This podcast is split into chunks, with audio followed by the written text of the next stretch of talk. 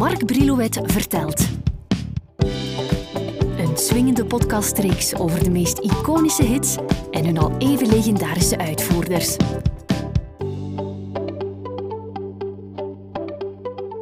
In de 50s waren de Platters zowat de populairste zwarte groep die Amerika kende, met een gigantische rist internationale hits.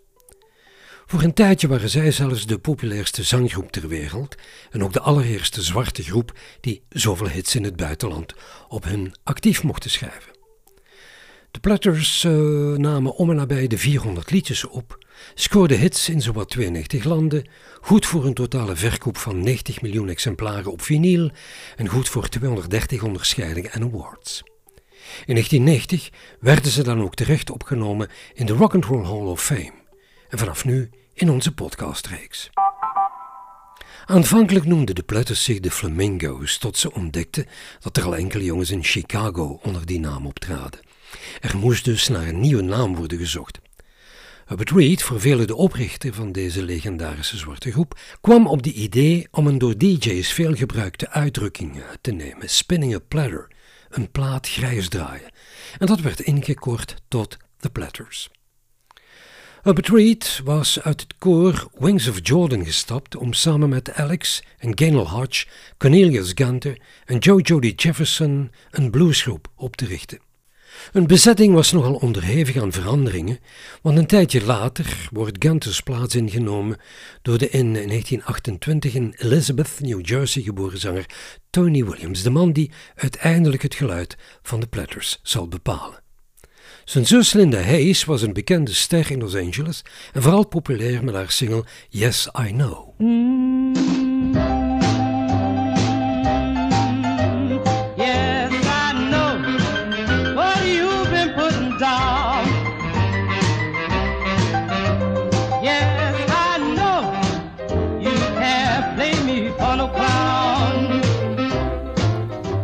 Tijdens een optreden van de Platters in de club Alabama wordt Tony Williams aan de groep voorgesteld. Op aanraden van zijn Linda en Alex Hodge gaat Tony aankloppen bij arrangeur, componist en producer Samuel Beck Ram in Los Angeles. Ram had zijn kunnen als arrangeur al bewezen bij plaatopnamen van Ina Ray Hutton, Duke Ellington, Count Basie en de Dorsey Brothers. Hij had ook een aantal hits geschreven, waaronder I'll Be Home for Christmas, of er althans zijn poot aan toegevoegd, zoals dat in die tijd wel vaker gebeurde.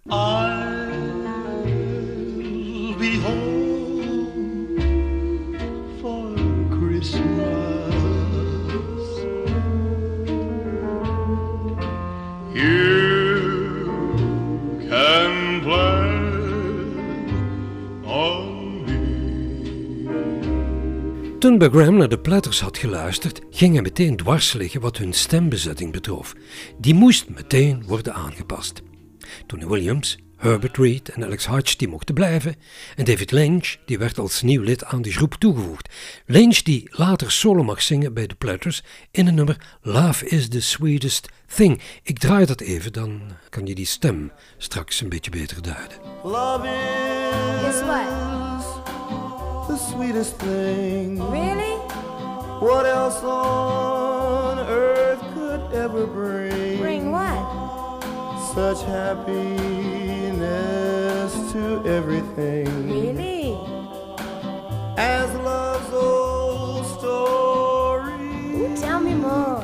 Maar we zijn er nog niet, belangen niet. September 53 nemen de Platters hun eerste plaat op voor het Federal label met Devonia Williams aan de piano en de ritmesectie van de Johnny Otis Band. Tijdens deze opnamesessie worden songs ingeblikt als I'll Cry When You're Gone en Give Thanks, maar het publiek lustte deze versies niet. Het zag zijn honger immers al gestild door groepen als de Clovers, de Dominoes en de Midnighters. De Platters klonken niet origineel genoeg. Hun geluid had meer iets weg van 13 in een dozijn.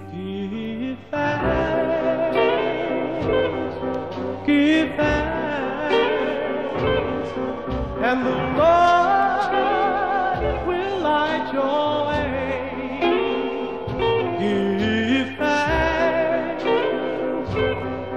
Give thanks, get down Buckram die wou kosten wat het kost de Platters uitbreiden met een vrouwelijke stem. Maar daar wilden de heren dan weer niks van weten. Ram die hield het been stijf en bracht de 15-jarige Zola Taylor in de groep. Die had al enige ervaring opgedaan bij Charlie Gunter en de Queens.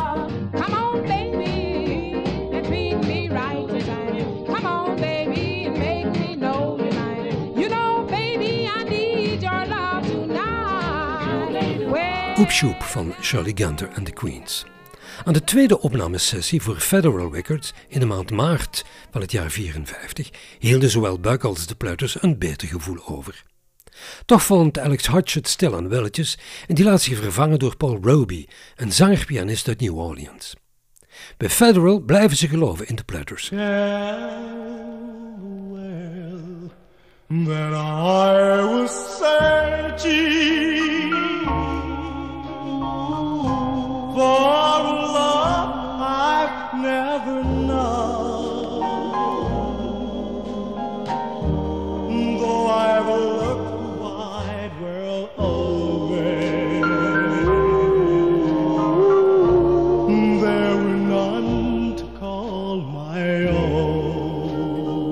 Wie wel in de smaak van het publiek viel was een andere groep uit de stal van Buck Ram, The Penguins. Die scoorde in 54 een vette hit met de door Jesse Belvin geschreven Earth Angel.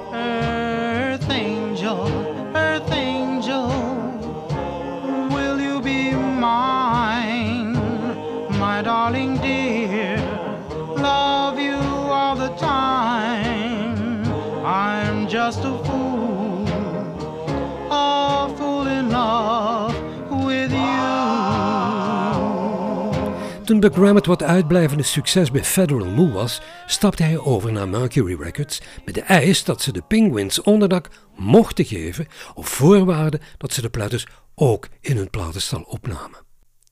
Hun eerste Mercury-sessie bestond onder andere uit de opname van de Buck Ram-compositie Only You, die ze eerder al voor Federal hadden ingeblikt. Ik laat je die even horen om straks te kunnen vergelijken. Only you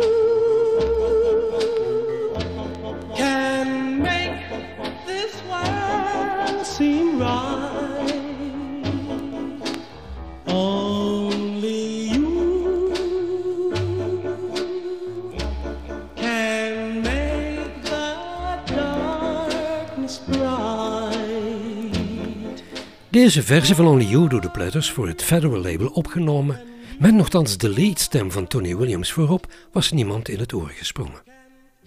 Bij Mercury zien ze, na aandringen van Buck Ram het wel zitten, deze song een nieuwe kans te gunnen, maar nu van een behoorlijke portie romantische strijkers voorzien. De bazen bij Mercury vonden dat de Platters hun rhythm and blues bedoelingen maar moesten opbergen en dat ze iets meer als een popgroep mochten klinken. Toch kostte het Buckram en zijn partner Gene Bennett heel wat promotiestunts om Only You in de hitlijsten te krijgen. Maar in 55, in de maand oktober van 55, wordt hun moeite beloond en houden ze er een top 5 hitnotering aan over. Only you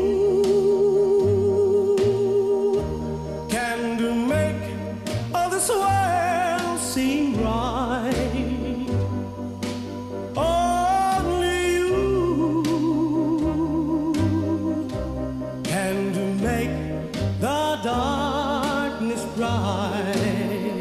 De opvolger van Only You, The Great Pretender, deed het nog beter dan Only You en stootte begin 56 door naar de absolute top van Billboard's Hot 100.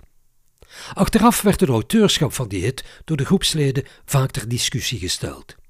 Volgens Tony Williams was het Great Pretender een nummer van een zekere Run Joe Taylor, die het voor 25 dollar aan Ram verkocht zou hebben.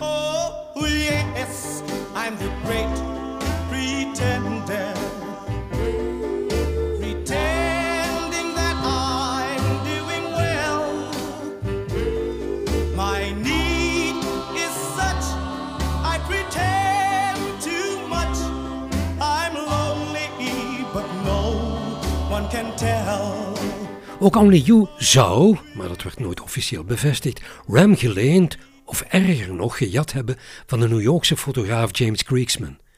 James die trok Ram voor de rechtbank, maar die wist een boete te ontglippen door de titel wat te veranderen.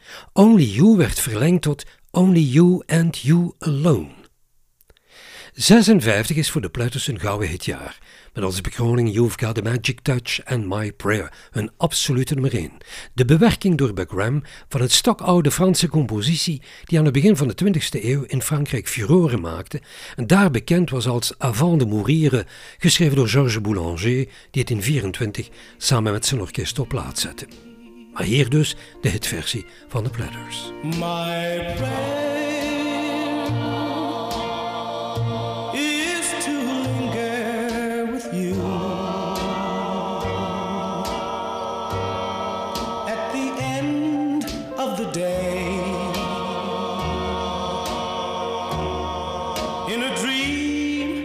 that's divine. De daaropvolgende releases van de Platters, You'll Never Know en I'm Sorry, deden het wat rustiger aan in de charts, tot ze nog eens helemaal bovenin de hitlijsten geraakten, met achtereenvolgens Twilight Time en Smoke Gets In Your Eyes. Een vocaal hoogtepunt uit de musical Roberta van Otto Harbach en Jerome Kern, die deze musical klepper al in 32 hadden gelanceerd. They ask me how my true love was true. I,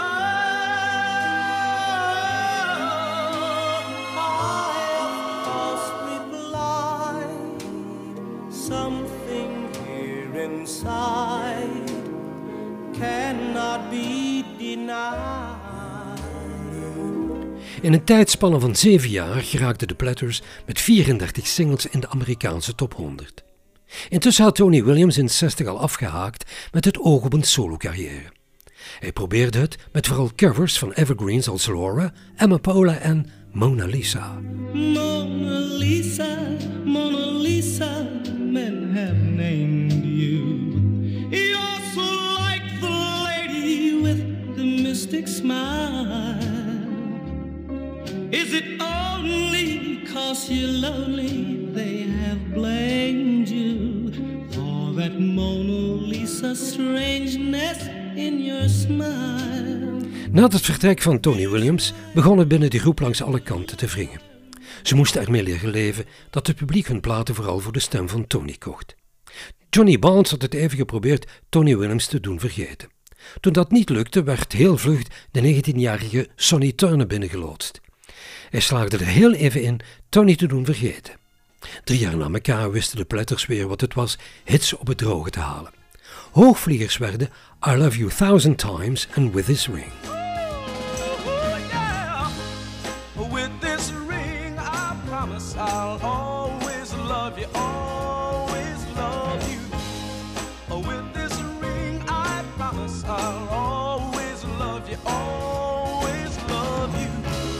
Maar toen in 64 Zola Taylor niet meer wilde meedoen en Herbert Reed er schoon genoeg van kreeg, was het succes van de Platters verleden tijd.